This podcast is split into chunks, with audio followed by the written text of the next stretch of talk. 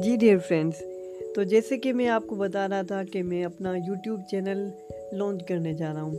मेरे YouTube channel का नाम है सैयद फाउंडेशन इसमें मैंने ट्वेंटी कैटेगरीज बनाई हैं, जिसमें लिटरेचर भी है साइकोलॉजी भी है हिस्ट्री भी है, इसमें पोइट्री भी आ जाएगी, इसमें उर्दू लिटरेचर भी आ जाएगा इंग्लिश आ जाएगा, इसमें reading skills writing skills speaking skills listening skills और इसके बाद बाद और भी बहुत सी कैटेगरीज हैं, जिनमें आपको डिफरेंट मटेरियल मिल जाएगा। अब मैंने स्ट्रेटजी ये बनाई है और ये सोचा है कि सबसे पहले मैं वीडियोस बनाना शुरू करूँगा।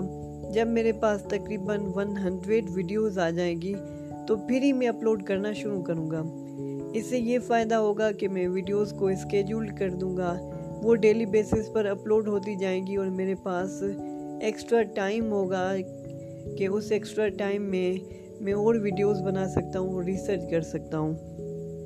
आज जो ये मैं वॉइस रिकॉर्ड कर रहा हूँ, इसका भी यही मकसद है कि मैं अच्छी तरह से एग्जामिन कर लूँ, अच्छी तरह से एक्सपेरिमेंट्स कर लूँ। दोस्त साहब।